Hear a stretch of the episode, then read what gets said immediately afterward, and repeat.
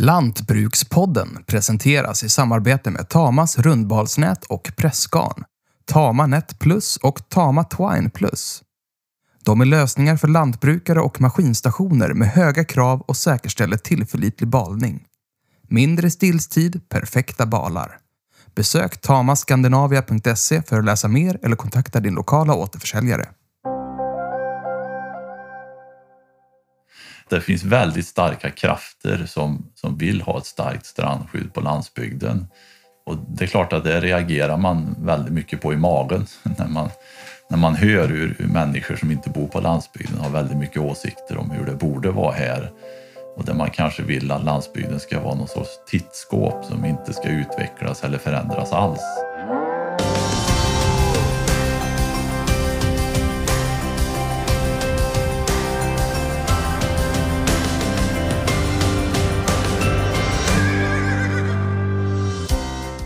Hur långtgående som strandskyddet i Sverige bör vara har under decennier varit en stridsfråga. Är det rimligt att ett dike som är torrlagt delar av året ska kunna hindra en markägare från att bygga? Den senaste strandskyddsutredningen tror sig ha funnit en väg framåt.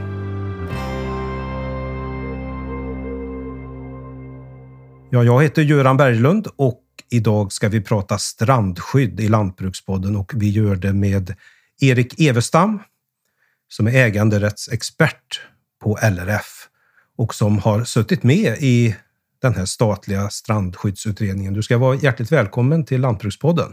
Tack så mycket. Ja, vi sitter hemma hos dig och då är vi i Värmland, närmare bestämt lite norr om Nysäter, där du och din familj bor. Och här har vi ju en hel del vatten runt omkring oss. Byälven löper inte långt från ert hus. Men strandskydd kanske ni inte är drabbade av? Nej, vi ligger tack och lov i dessa översvämningstider så ligger vi eh, långt från vattnet. Och eh, vi ska ju säga då att eh, du har eh, jobbat för LRF ett antal år, men du har även ett förflutet i, i mitt gebit som eh, journalist tror jag på Värmlandsbygden. Stämmer det? Ja, det stämmer. Jag var där i 16 år, som, först som reporter och multijournalist heter det nu för tiden, men sen var jag även chefredaktör på slutet. Så att jag slutade 2008, så det är många år sedan nu. Och som äganderättsexpert på LRF, namnet säger väl lite grann om vad det handlar om, men du kan väl berätta något mer vad det är du sysslar med till vardags? Ja, jag ingår ju i den nationella grupp som LRF formerade för ett antal år sedan som skulle fokusera mer på äganderätt. Och för min del har det handlat om strandskydd och skogsfrågor och, en del andra vattenfrågor också. Så det är lite allt möjligt. Äganderätt är ju väldigt stort. Vi ska väl för transparensens skull säga också att du är fritidspolitiker för Centerpartiet. Du sitter med, om jag minns rätt, både i kommunfullmäktige i Säffle och i Region Värmland.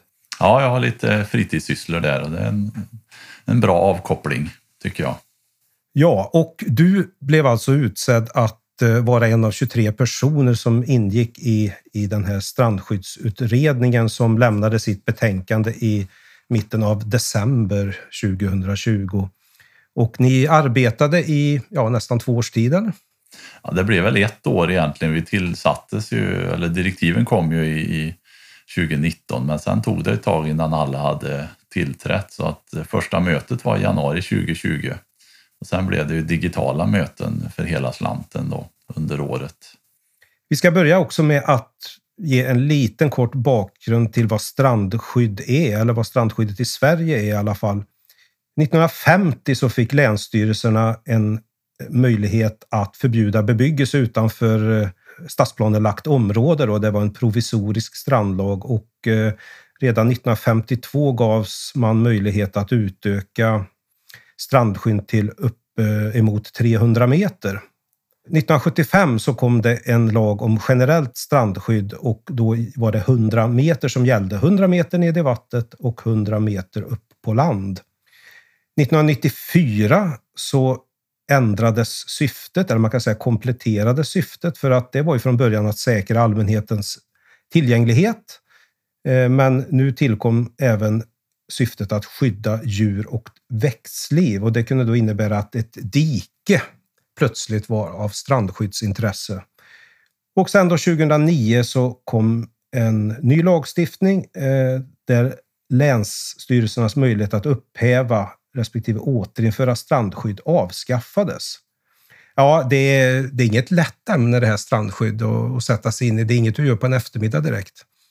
Nej, det är det inte. Och ju mer man läser, ju krångligare blir det. Och det är väl så i ett land som Sverige som är en väldigt stor spretighet mellan en, en exploaterad storstadsmiljö och en extrem landsbygd. Och till att hitta ett regelverk som funkar för båda de här områdena, det är ju inte särskilt enkelt. Eller det är väl kanske omöjligt. Men den här utredningen som du då har suttit med om, den bär namnet Gör det möjligt att leva och bo på landsbygden och eh, syftet har varit att göra om strandskyddet i grunden. Så det är inget eh, lapp och laga-verk ni har gett er in på. Det var ju så det var tänkt och direktiven tycker vi ju från LRFs sida var väldigt bra och tydliga eftersom det var verkligen landsbygdsutveckling som var fokuset och egentligen ger landsbygden samma möjligheter som städer att utvecklas utifrån sina eh, förmågor och resurser. Så det, det var en bra start tycker vi. Sen är det ju lite svårare i praktiken kanske. De tre huvudpunkterna då i direktiven, det var att öka differentieringen, alltså skillnaderna i landet utifrån tillgången till sjöar, befolkningstäthet och exploateringstryck, alltså viljan att eh, utnyttja stränderna och bygga. Och göra det lättare då att bygga i strandnära lägen på landsbygden samt bibehålla och i vissa fall då förstärka strandskyddet för att värna obrutna strandlinjer. Och då är det väl främst tänkt då i hårt exploaterade områden att bevara de obrutna strandlinjerna som finns. Ja, dels är det ju mest exploaterat där och det är också där det finns mest folk som har behov av oexploaterad strandlinje. Så det perspektivet har ju också funnits i utredningen men jag tycker inte det tog så stor plats egentligen. Debatten efteråt har handlat mycket om det men jag skulle säga att det var inte det utredningen framförallt berörde.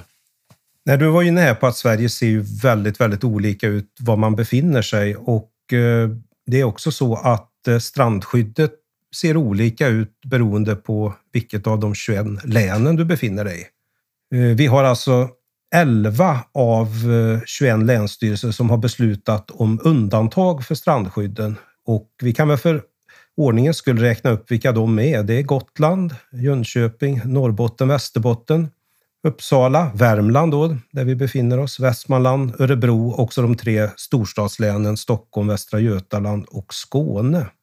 Om man, om man ska gå in lite på det här att strandskyddet ser så olika ut beroende på var man befinner sig, vad, vad har du för tankar kring det? Det är väl ganska naturligt tycker jag att, att det är så också, att det ska vara olika strandskydd beroende på hur det ser ut i både i länet och, och i kommunen och inom en kommun också. Eh, och i Västra Götalands län där finns det ju också ett flertal olika regelverk beroende på att det är de gamla länsgränserna som gäller eh, och inte dagens länsgränser. Och en del av de här olikheterna de är ju inte ens digitaliserade så man kan se på en karta hur det ser ut utan det är så att säga gamla saker som inte riktigt har hängt med i digitaliseringen så det är ju också ett av uppdragen att, att man faktiskt behöver rita ut och visa var strandskyddet är och det berör ju framförallt de små vattnen där det kan finnas en otydlighet var det är strandskydd och inte. Så idag är det så att om, om en person ska ta reda på vad som gäller beträffande strandskydd på en viss plats eh, så är det, det är inte bara att gå in på internet och söka upp någon sida utan det, det krävs betydligt mer arbete än så. Ja, framförallt när det är småvatten, alltså sådana små sjöar och vattendrag, då, då kan det vara en otydlighet. Och det är ju ett av uppdragen att faktiskt få någon ordning på det det är naturligtvis inte så lätt eftersom vi har hundratusentals sjöar och vattendrag som berörs av detta. Så det är ju ett stort arbete om man nu vill lägga ner en sån kraft. Du representerade LRF i strandskyddsutredningen och vi ska säga att hon som ledde utredningen heter Katarina Håkansson Boman. Berätta lite mer om hur, eh, hur gick utredningen tillväga? Hur har ni jobbat och vilka mer än du har suttit med? Ja, i en sån här expertgrupp så sitter ju alla eh, aktörer som kan ha åsikter i ett ämne. Så att i, i den här utredningen satt det ju med från departement och det fanns med från statliga myndigheter som Länsstyrelsen men även ett antal intresseorganisationer. Så det, det, var ju egentligen ett brett spektrum. Sen skulle ju vi bidra till att, så att säga, förverkliga direktiven. Och, och mitt jobb där var ju ganska enkelt eftersom jag höll med om direktiven. Det var ju inte alla som gjorde det och det är klart att då blir utmaningen lite större naturligtvis. Så att arbetet gick ju tillväga på så vis att utredningen skrev ett antal texter och sen skulle vi då tycka till och kommentera om de förslag som de hade. Och eh, jag tycker det gick väldigt mycket fram och tillbaka. Vi fick några utkast i början som vi tyckte såg bra ut och sen så hände det någonting på vägen så att utkasten blev lite grann åt andra hållet, att det blev krångligare och mer restriktivt och då fick vi kommentera om det. Och, men till slut så tycker vi väl att det ut, föll ut ganska bra då för landsbygdens del. I er eh, sammanställning så citerar ni Strandskyddsdelegationen från 2015 som konstaterar att strandskyddet förefaller starkt i landsbygd men, svag, men svagare i, i stadsbebyggelse. Hur kommer det sig egentligen att eh, strandskyddet har blivit så starkt där det bor väldigt få människor? Ja, vi märkte ju det i vår eh, expertgrupp också att det finns väldigt starka krafter som, som vill ha ett starkt strandskydd på landsbygden. Och det är klart att det reagerar man väldigt mycket på i magen när man, när man hör hur, hur människor som inte bor på landsbygden har väldigt mycket åsikter om hur det borde vara här och där man kanske vill att landsbygden ska vara någon sorts tittskåp som inte ska utvecklas eller förändras alls. Och det skulle ju den här utredningen göra upp med, och med den föreställningen. Så att det var ju lätt för oss att driva frågan men det, det mötte ju naturligtvis på en hel del motstånd skulle jag vilja säga och det är väl, ett, det är väl därför vi är där vi är. Det strandskyddsdelegationen konstaterade för fem sex år sedan det var ju att det, fanns en stor frustration i landsbygden och, och småkommuner om att de inte får dra nytta av av den resurs som de har i form av de strandnära lägena. Och att det är lättare att bygga i stan, det tror jag inte att de som bor i stan kanske tycker. Men det de har som inte landsbygden har, det är ju att de har ett detaljplaneverktyg eh, som kostar en massa pengar, men det finns det också ett värde att ta ut sen i form av höga bostadspriser och, och så. Så att exploateringsmöjligheterna är ju alltid större i stan eftersom det finns mer pengar och mer kraft för att driva dem. Medan det på landsbygden kan vara en, en markägare, en, en, turistföretagare eller någon annan så att säga, vanlig människa med vanliga resurser. De har inte de musklerna helt enkelt. Det finns ju något som heter landsbygdsutveckling i strandnära lägen. Man förkortade LIS-områden. Och det här fästes väl en del förhoppning till, men nu när man tittar på det med facit i hand så så står de här LIS-områdena endast för eh, knappt 5 procent av det totala antalet dispenser. Vad beror det på att de här LIS-områdena inte har fallit ut som tänkt?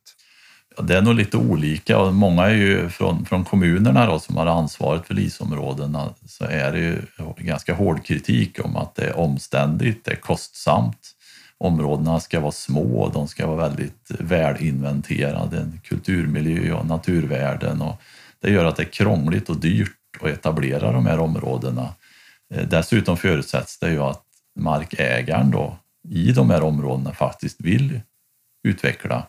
Och då vet jag, alltså i våran kommun här i Säffle så har det ju varit ett, ett utgångsläge att man ska faktiskt låta markägarna räcka upp handen om de vill ha ett LIS-område. Men så har ju inte alla kommuner jobbat. Eh, så att det blev ett omständigt verktyg som i praktiken egentligen ingen är nöjd med. Så att eh, det är ju också, vilket ju också konstateras av strandskydds strandskyddsdelegationen, då, att det, det här var ett för krångligt instrument. Det ställs för höga krav på de här LIS-områdena. Eh, så att de är få och de är ganska ineffektiva verkar det som. Och har ni kommit fram till då hur man kan ta något nytt grepp här för att eh, förenkla och få en bättre effekt? Förslaget är ju att det ska inrättas landsbygdsområden, det är det nya begreppet. Och de ska kunna vara hur stora som helst. De skulle i princip kunna täcka en hel, en hel landsbygd eller kanske en hel kommun och där ska det då bli mycket mer generösa dispensregler för att söka dispens då för verksamheter eller bostäder. Så att nu är det ju kommunerna igen då som får hålla i den här utredningen men eh, meningen är ju att, att de här områdena ska bli betydligt större än dagens LIS-områden. Och i de områdena så ska det bli enklare att få dispens. Så är ju så att säga, skelettet för utredningens största förslag egentligen. Vad jag har förstått det så är det just ordet utveckling i landsbygdsutveckling som har ställt till lite huvudbry. Det, det, är bortstruket nu, men är det så enkelt att man bara ändrar lite på orden? Då, utan det, men det är annat också som kommer att, att förändras för att, att man har eh, kunnat haft lite olika uppfattningar så här långt. Vad är utveckling?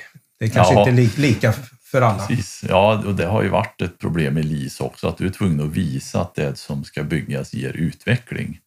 Och där är det som du säger, vad ger utveckling? En ny familj som bygger ett hus, är det landsbygdsutveckling? Ja, det kan det ju vara i.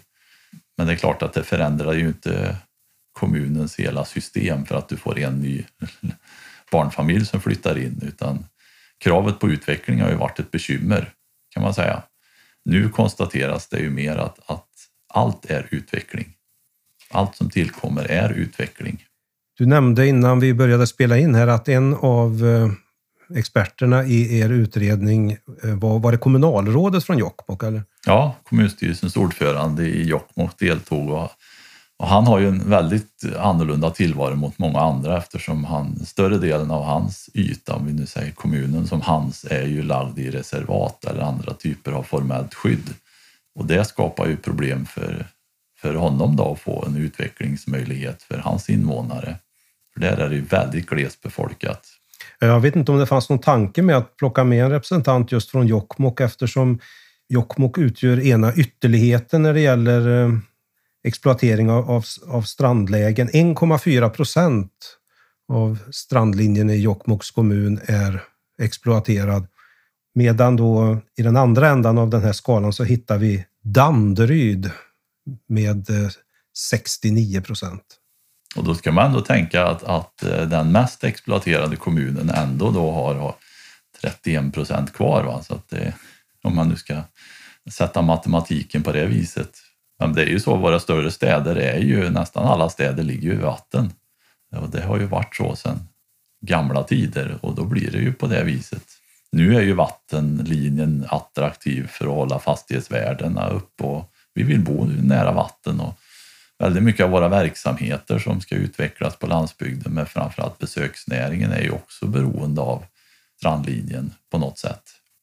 En icke oansenlig del av de strandskyddade områdena har ett så kallat utvidgat strandskydd och det innebär att det kan alltså sträcka sig så långt som 300 meter.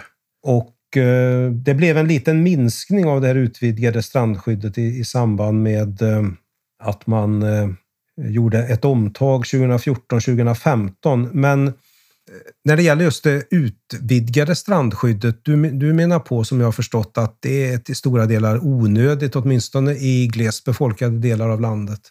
Ja, den reformen blev ju, skulle jag säga, en stor besvikelse. För där stod det ju att Eh, man skulle bara utvidga strandskyddet där det fanns i enskilda fall, där det fanns särskilda skäl. Men i praktiken så blev ju det hela sjösystem som idag har utvidgat strandskydd. Tyvärr så vill ju inte, vill inte utredningen ändra någonting på det. Och, och, nu är det ju bara frågan vilken betydelse ska det här utvidgade strandskyddet få i den nya lagstiftningen? Eftersom det finns på väldigt många områden där det finns också möjlighet att utveckla. Så att det, det kan vara ett stort bekymmer framöver, så det, det kommer vi också hålla ögonen på. Varför ville inte utredningen gå in i den här frågan? De ansåg inte att det ingick i direktiven att se över det och det är klart att det är en process som då börjar 2013-14 och som ännu inte är avslutad. Det finns fortfarande kommuner som, som, där det håller på att tröskas i de rättsliga instanserna kring detta. Så det har ju varit en enormt lång och seg process. Och det beror ju på att det var ett otroligt stort missnöje bland markägare och kommuner mot de här besluten. För du menar att avsikten från början det var att länsstyrelserna skulle gå ut och, och titta på, på specifika områden och, och eh, ja, motivera mer i detalj varför man ville ha utvidgat strandskydd just där. Men istället blev det så att man satt med penna och karta på kontoret och grovskissade lite grann, om vi ska vara elaka. Ja, ja, på många ställen var det ju så att man tog exakt samma linjer som var innan. Det innebär ju att det kom strandskydd på väldigt stora områden där det också finns eh, möjlighet att utveckla. Vi ska ju tänka på att, att de här områdena som nu ska få generösa regler där ska det ju också finnas andra förutsättningar att bygga för. Alltså det ska finnas vägar och bredband och el och infrastruktur. Det är ju inte så att det kommer bebyggas överallt. Och är det då utvidgat strandskydd på de här områdena då blir det ju ännu krångligare då att, att få till den här möjligheten. Så det blir väldigt viktigt att det här utvidgade strandskyddet får inte bli någon grindvakt för de här områdena. Sverige ser ju som vi har sagt väldigt olika ut och eh, därför så är det ju inte helt lätt att hitta de här reglerna som, som funkar överallt. Men ett konkret förslag då som eh, ni har levererat, det är att eh, man ska inte ha något strandskydd runt vattenytor som är mindre än en hektar. Och då pratar vi ju diken egentligen som är smalare än två meter. Och det här är förslag som ni plockade från något som Naturvårdsverket levererade till regeringen 2002. Ja, det, det, går inte fort med de här frågorna, men det, det, var ett gammalt förslag som gick att damma av. Då. Vad, vad tänker du kring det här? Ja, det där, just småvattnen, det är väl det som vi från LRS sida har drivit hårdast. Eh, där har man inte riktigt koll på hur det ligger till, men det finns en beräkning som säger att, att strandskydd runt småvatten är 10 procent av Sveriges landareal. Så det är ju en enormt stor yta det handlar om. Och det var väl ett av så att säga, huvudgrejerna, att, att nu tas det bort överallt. Det här är ju då lite olika över landet i de här olika länen, men nu ska det då tas bort rakt av.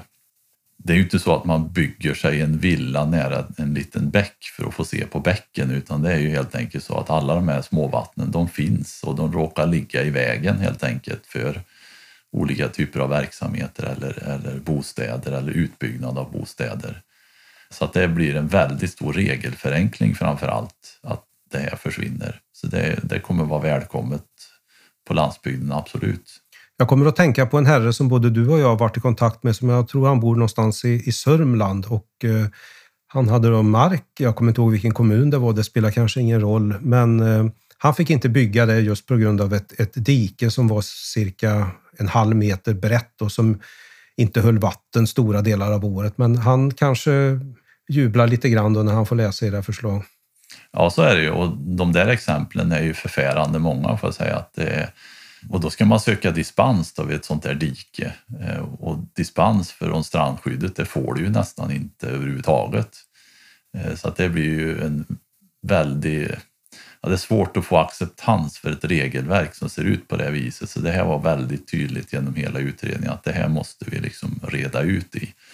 Och då blev det det här förslaget och det tror jag kommer att vara väldigt välkommet i stora delar av landet där det här har varit ett krångel. Eh, och där det har funnits en osäkerhet, ja då har ju kommunen sagt ja men sök dispens då. Men det får man ju nästan inte. Strandskydd ska heller inte gälla vid anlagda vatten tillkomna efter 1975. Och här är väl tanken då att eh, till exempel inte lägga en död hand på sån, för sådana som vill eh, göra åtgärder mot övergödning till exempel. Eh, och det här är ju också resonemang som övergödningsutredningen förde fram. Ja, det stämmer och det där är ju också en viktig del för framförallt då våtmarker som du nämnde, men även bevattningsdammar. Och när det var dåligt med vatten så anlägger man bevattningsdammar eller andra typer av anlagda vatten som man behöver för miljö eller kulturmiljö eller vad det nu kan vara, biologisk mångfald. Och i en del län så får ju de strandskydd och det kan ju drabba dig som markägare men det kan ju också drabba grannens villa som inte får göra en veranda då för att det där strandskyddet sträcker sig in över även grannens mark. Så det är ju också en värdefull förändring. Eh, och att det sattes ju 1975, det är ju då strandskyddet, det generella, infördes. Och egentligen så är det ju faktiskt så att nästan alla vatten vi har i landet är ju anlagda eller påverkade på något sätt genom kraftverksdammar och uppdämningar. Så inte få någon sån filosofisk diskussion om vilka sjöar som faktiskt är anlagda en gång i tiden så så sattes det årtalet. Så det, det blev en bra förenkling och en bra sak för miljö och biologisk mångfald i, i jordbrukslandskapet framför allt. Men, och det, det finns alltid ett men, har, har vi fått lära oss. Länsstyrelserna har rätt att besluta om undantag i enskilda fall. Ja, man kan återinföra det här strandskyddet runt småvatten om det finns särskilda skäl till det. Eh, och då måste de ju verkligen visa på att det gör det i de här fallen. Då. Så att ja, det, det finns saker som man inte skulle vilja se där, men någon, någon bedömning blir det ju alltid i, i sådana här fall. Kan man tänka sig något typexempel då när eh, en länsstyrelse skulle besluta om ett sådant undantag? jag vet inte vad det skulle vara, för det utgår ju också ifrån att, eh, att det finns en exploateringsrisk runt det här vattnet. Då. Och det kanske det inte alltid gör, för det är ju ändå det som på något sätt ska föranleda en sån här, att man återinför skyddet. Så att eh, det blir ju som allt annat nu. Vi får ju följa det här naturligtvis och se vad som händer med, med en sån här sak. Men att det tas bort, och det var ju inte så det var från början utan det fanns ju andra som ville att Länsstyrelsen skulle så att säga, gå igenom alla vattendrag ett och ett och ta bort strandskyddet där, där det inte behövdes. Och det skulle ju vara ett arbete som är helt omöjligt att göra i ett, när vi har ungefär 300 000 småsjöar bara. Får man fråga vem som framförde den Ja, det är ju från våra statliga myndigheter, framförallt Naturvårdsverket, Miljödepartementet var ju de starkaste kritikerna genom hela utredningen egentligen. Ja, då, då säkrar man upp arbetsuppgifter för lång tid framöver om man skulle få detta åläggande. Ja, det blir väl en pensionsuppgift för några stycken, men, men här var ju utredningssekretariat väldigt tydliga med att, att det här måste vi göra upp med och då tar man bort allt och sen får man då i enskilda fall återinföra det om det är så att man har särskilda skäl för det. Ja, om vi går in då, vi har varit inne lite grann på, på era förslag här, men länsstyrelserna ska helt eller delvis upphäva strandskyddet. Eh, men det ska vara kommuner som först lämnar in en ansökan och sen finns det då ett antal kriterier som ska uppfyllas och de viktigaste då det är god tillgång på obebyggd mark, Eh, en inte alltför stor efterfrågan och en inte särskild betydelse för strandskyddets syften. Om man nu försöker sätta lite kött och ben då på de här punkterna, vad, vad kokar det ner till? Då? Vilka områden är det som kan tänkas eh, bli lättare att, att bebygga då i, i framtiden? Vi brottades ju med tanken på att sätta siffror på det här med tillgång på strand, för det, vi vet ju hur mycket som är exploaterat. Men det blir väldigt svårt att hitta siffror som passar in överallt. Det är klart man kan peka ut Jokkmokk och säga att där finns det gott om strand. Men eh, lagstiftningen ska ju inte bara fungera där, utan så därför blir det en bedömningsfråga ifrån varje område egentligen. Men det är ju landsbygd det handlar om. Och sen vad, vad det är då, det, det är ju utanför de detaljplanelagda områdena och systematiken blir ju att kommunerna ska ansöka om att antingen ta bort strandskyddet helt och hållet i ett område där det finns gott om strand och lite folk.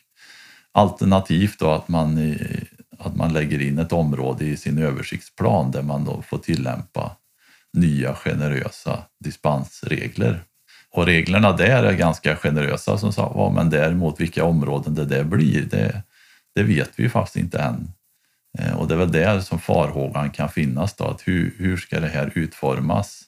För den tredje punkten där med särskild betydelse, ja, vilka är särskild betydelse då där det inte ska bli lättnader? Och det har vi ju brottats ganska mycket med i utredningen också, vad det är för någonting. Ja, vad, vad kom du fram till då?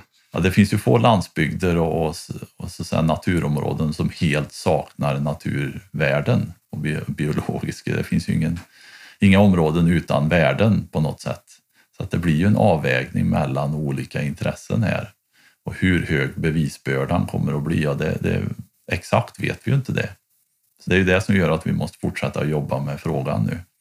Ett fall som vi båda känner till då, det var ett ungt par som ville bygga en villa på hennes föräldragård utanför Falköping. Men eh, de blev då varse att det här var omöjligt eftersom det fanns en naturlig, ska vi säga då, damm som var eh, mindre än 100 meter från där de hade stakat ut sin tomt.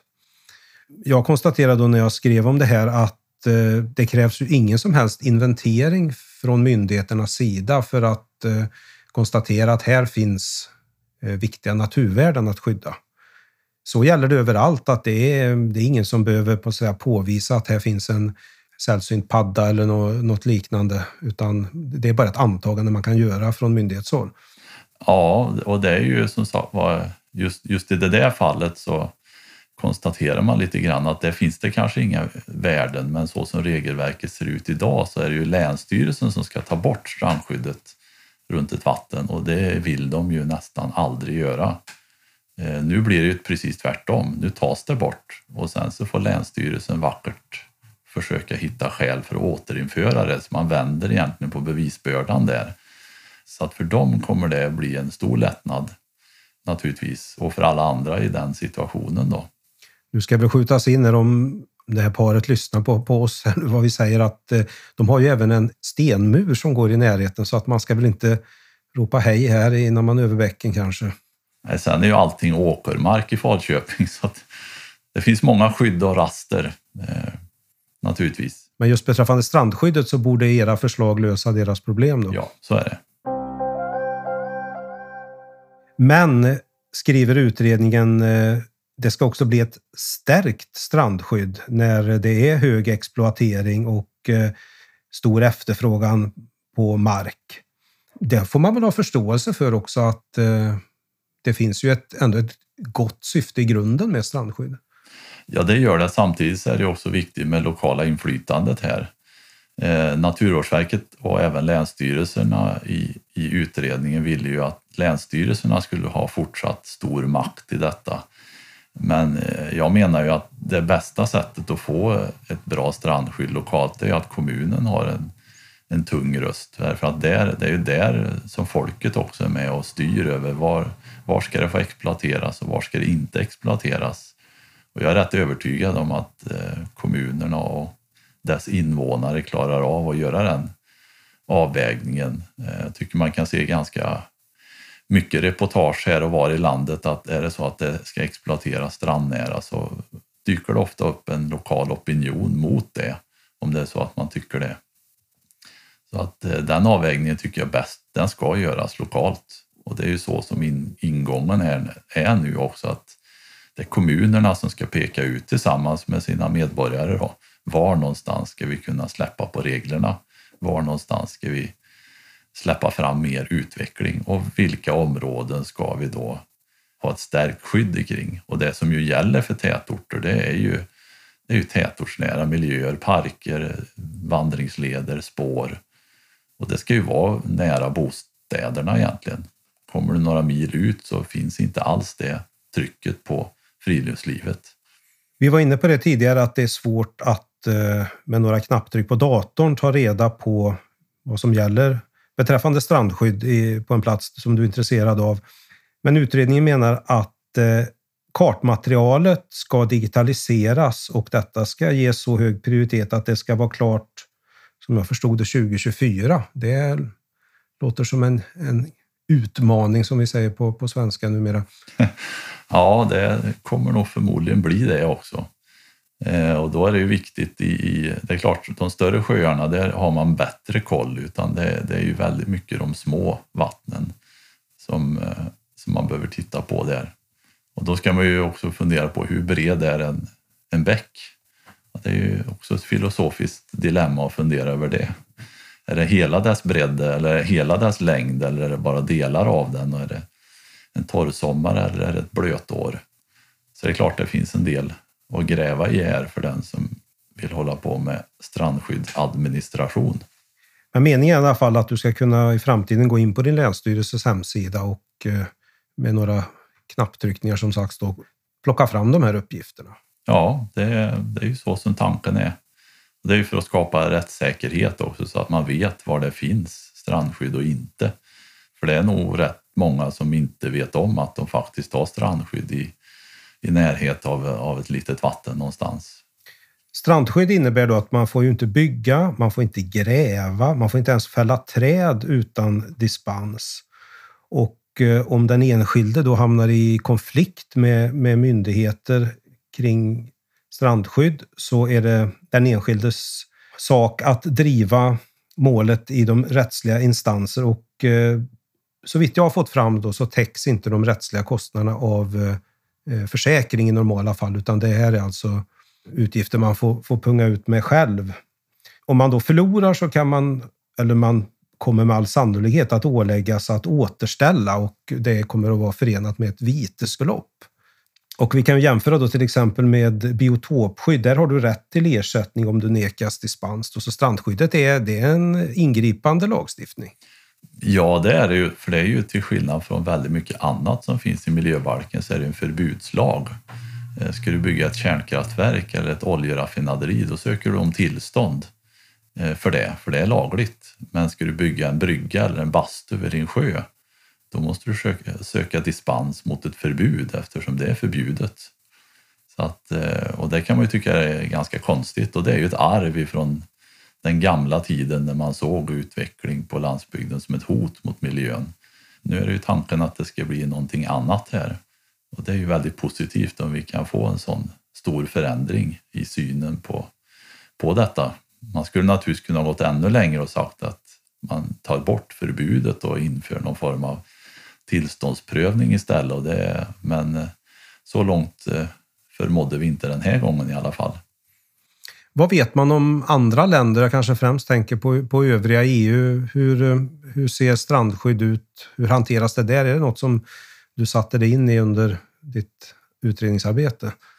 Nej, det kan jag inte påstå. Det är klart, väldigt många andra länder har ju, har ju exploaterat sönder sina stränder. Alltså, de är inte tillgängliga för allmänheten allemansrätten, vilket ju är strandskyddets grund egentligen, finns ju inte heller på samma sätt i ja, södra Europa och så. Det är, det är ju ett nordiskt påfund med, med en generös allemansrätt. Och det är klart, det beror på att vi har mycket yta här. Så att det är lätt för oss att, att ha det.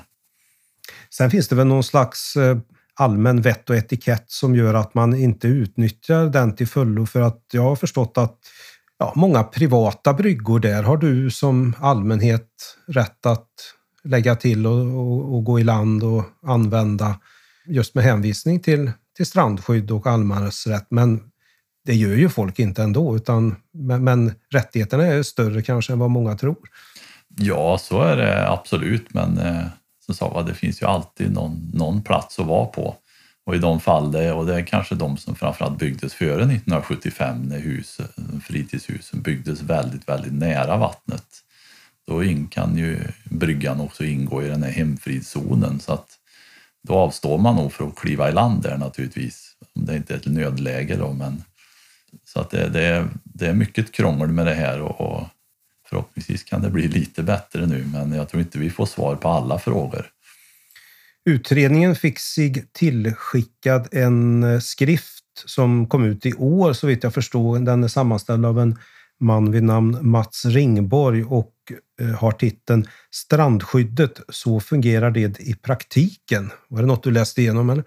Ja, inte hela, men jag känner ju till en del. Inte bara från han utan även från andra som har vittnat om hur det fungerar i praktiken. Vi ska ta några väldigt korta exempel där som, som är omskrivna i, i den här skriften. En man i Trelleborg förbjöds av kommunen att klippa sin gräsmatta med hänvisning till strandskydd. En eh, jurist, det är han som är bosatt i Göteborg, han fick inte dispens för ett båthus som han hade renoverat till ursprungligt skick. Länsstyrelsen i Västra Götaland anser att privata bryggor ska vara tillgängliga för allmänheten. Det var väl lite det som jag var inne på tidigare. Ett par i Stockholms skärgård fick inte bygga en brygga på sin egen sjötomt. Och så har vi en stackars man i Värmdö som kämpade i 14 år för att behålla en byggnad som han hade ja, råkat göra något större än tillståndet föreskrev. Han fick eh, försvara sig genom sex processer mot sin kommun. Mm. Ja, det är som du antyder så det verkar finnas fler exempel av, av den här typen. Då. Ja, och du nämnde ju besöksnäringen också här tidigare och, och, där finns det ju väldigt många exempel också. någon som ville ha en sån här bastubåt för sitt lilla företag och hyra ut den. Det fick han ju inte ha. Trots att den ju var ute på vattnet och en bit men som då ankrade på land. Det fick han ju, det, han förlorade ju hela vägen upp i domstolssystemet. Likaså en, en, eh, en kolloverksamhet ute i ren glesbygd eh, dit stadsbarn åker på sommaren för att ja, få ta del av gammal hederlig kolloverksamhet. De ville utöka sitt område, eller inte utöka området utan sätta upp ytterligare en kåta på sitt eget område och fick inte det. Så att de här exemplen är ju hur många och hur långa som helst. Och jag tror det är inte bra för lagstiftning och det är inte bra för trovärdigheten för myndigheter om, om man ska behöva debattera i domstol hur, hur högt gräset får vara, hur ofta man får klippa det. Det, det blir inte bra om man har ett, ett sådant regelverk. När man pratar ju om eh, legitimitet eh, för en lagstiftning, att en lagstiftning måste av den breda allmänheten uppfattas som rimlig för att eh, ja, accepteras och efterlevas. Och här, här rör vi oss verkligen i gränslandet för detta. Ja, det tycker jag. Det är en alldeles för stor rädsla. Det finns ju några fall naturligtvis som någon som har ett halvfallfärdigt eh, båthus och sen renoverar upp det till en jättestor strandvilla. Det är klart att får man ett sådant exempel så det är ju inte okej, okay, men det kommer ju aldrig vara okej okay att göra på det viset. Man kan ju heller inte låta den rädslan för sånt liksom begränsa en hel, en hel nations landsbygdsutveckling. För det, det blir ju helt fel om man har den eh, föreställningsbilden. Alltså att, att det blev så 1975, att det blev generellt strandskydd, det var ju för att man oroade sig för att exploateringen av Stockholms skärgård skulle så att säga försiggå över hela, hela landet och så, så ser det ju inte ut. Vi har varit inne mycket på allmän landsbygdsutveckling kan vi väl säga, men vi ska gå in också lite mer på de areella näringarna, alltså jord, skogsbruk, fiske och även renskötsel är inbegripen där. Och det finns ett undantag från strandskyddet för de areella näringarna. Men eh, från LRF-håll så har, har ni haft synpunkter på hur, hur den ser ut och hur den tillämpas. Du kan väl berätta mer om det? Problemet med det undantaget så som det används idag det är ju att du måste ha en, en viss inkomst från ditt jordbruk eh, Eh, för att det ska räknas så att säga. För undantaget handlar ju om att du får bygga stängsel och ekonomibyggnader utan strandskyddsdispens. Eh, så det är ju verkligen kopplat till, till jordbruket och skogsbruket och det innebär att du får avverka din skog också även om den är strandnära.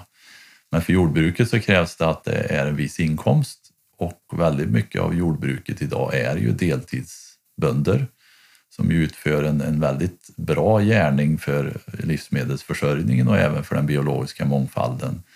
Men här är det då ett problem idag att de har så att säga, förhållandevis låg inkomst från, den, från det jordbruket.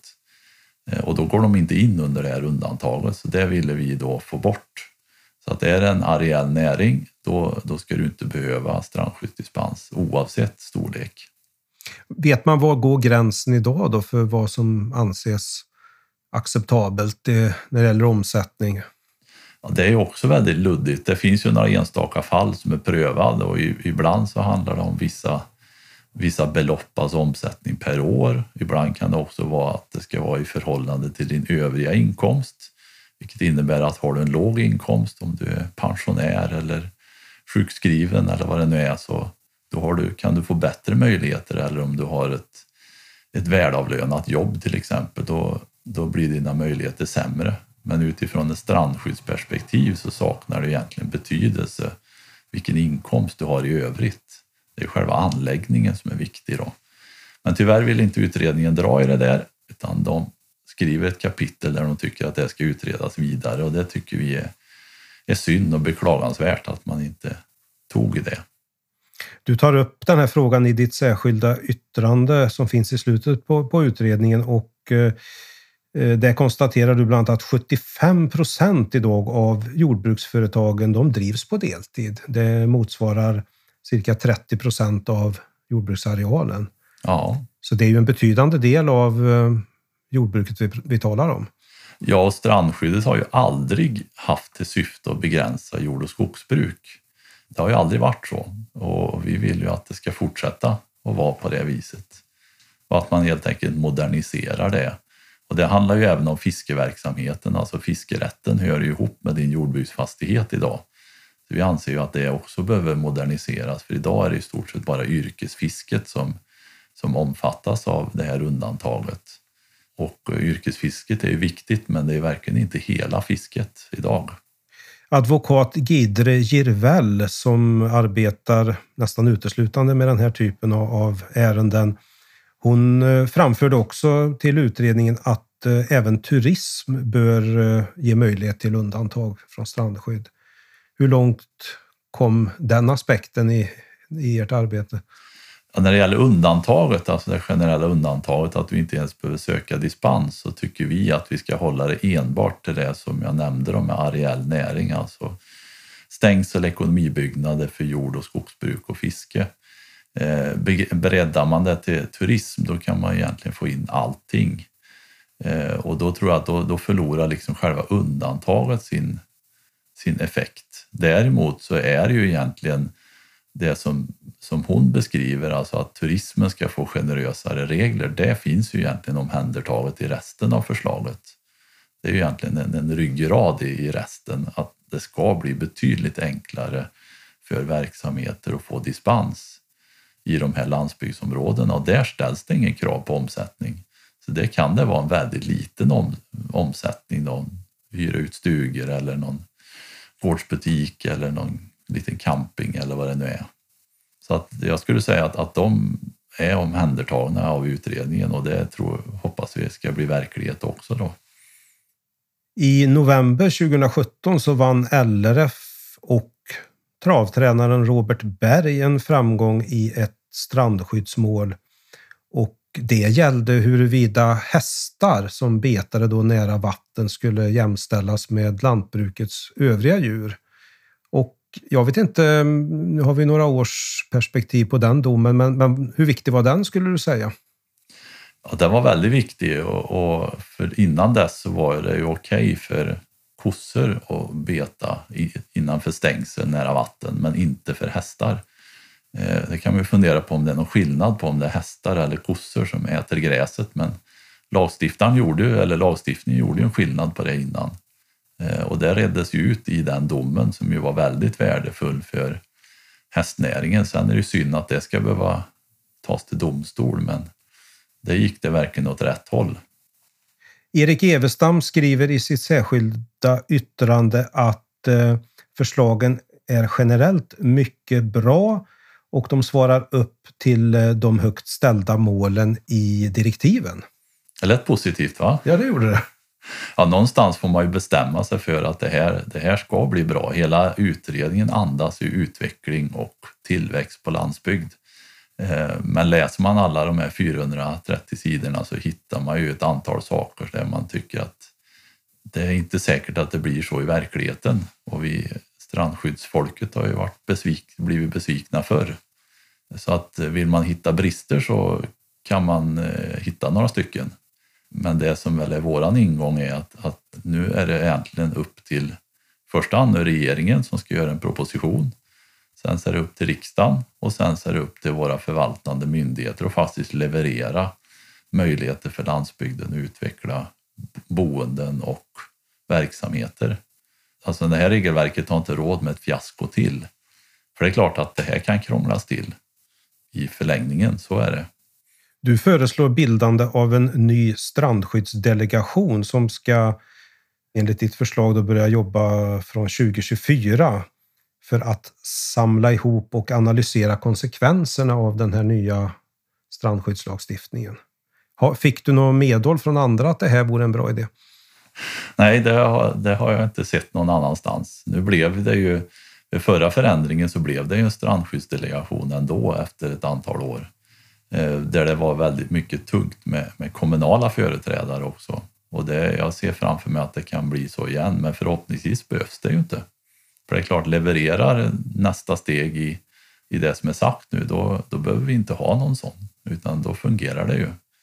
Men eh, som sa vad djävulen finns i detaljerna. Vilka krav kommer ställas i de här områdena som ska få lättnader? Det är ju kärnfrågan i, i det fortsatta arbetet nu. För ställer man höga krav på att analysera naturvärden, kulturmiljö, friluftsliv, ja då är det risk att det blir ingenting av detta. Det är en farhåga som finns. Och hur säker kan man vara då på att eh, riksdagen kommer att eh, klubba ett beslut i, i linje med det som ni föreslår? Jag, jag ställer ju frågan som du förstår kanske mest med anledning av turerna kring lagen om anställningsskydd. Ja, alltså när det gäller strandskydd så finns det en väldigt stor majoritet i riksdagen som vill ha lättnader. Eh, det finns ju eh, skulle säga, en stor majoritet för att gå ännu längre än vad utredningen föreslår. Så att just där är jag inte så bekymrad. Det är ju mer av politiska skäl då, om det av, det, av partitaktiska skäl kanske faller någonstans. Men då är det ju snarare så att det kommer bli en ännu mer långtgående lättnadsreform. Utan det är egentligen i det som kommer efter riksdagen som jag är mest bekymrad över. Alltså klarar myndigheter av att leverera en, en, ett enklare strandskydd när, när de i varje fiber av sina kroppar vill ha ett strikt, striktare strandskydd. Du tror, du tror det sitter i väggarna då på olika myndigheter? Ja, det gör det. Det, det ser vi ju i, i hur man har skrivit och hanterat de här frågorna tidigare. Ja, både du och jag är i 50-årsåldern. Hur, hur bedömer du chansen snedsträck risken att vi kommer att under vår livstid få se ytterligare en strandskyddsutredning? ja, det beror på hur gammal vi ska bli. Men... Vi säger att vi siktar på 80 i alla fall. Då. Ja, ja, förhoppningsvis ingen, men det, osvuret är bäst. Nu ska vi ju se att den här ska ju enligt planen träda i kraft 1 januari 2022, alltså om ett år. Det är ju en ganska kort tid egentligen i, i det politiska systemet. Och sen ska det då utformas en massa riktlinjer och föreskrifter och sånt där inom det här systemet. Men eh, jag tycker att det här lägger en bra bas för att det ska bli bra. Och vi är medvetna om att man har försökt med det förut och inte lyckats. Men någon gång ska ju vara... Min utgångspunkt är i alla fall att det måste lyckas. Då vill jag tacka dig Erik Evestam för att du har velat vara med och prata strandskydd i Lantbrukspodden. Tack så mycket. Och till er som lyssnar ska jag säga då att eh, det här är ett program som görs av Land Lantbruks redaktion och vi är en del av LRF Media. Jag som producerar podden heter Göran Berglund. Och vill ni lämna förslag om personer och ämnen som vi ska ta upp i framtida avsnitt så skickar ni e-post till Lantbrukspodden snabela landlantbruk.se. Och så vill vi hemskt gärna att ni prenumererar på vår podd och kanske ger den något gott omdöme i era poddplattformar. Lantbrukspodden presenteras i samarbete med Tamas rundbalsnät och pressgarn, Tama Net Plus och Tama Twine Plus. De är lösningar för lantbrukare och maskinstationer med höga krav och säkerställer tillförlitlig balning. Mindre stillstid, perfekta balar. Besök tamaskandinavia.se för att läsa mer eller kontakta din lokala återförsäljare.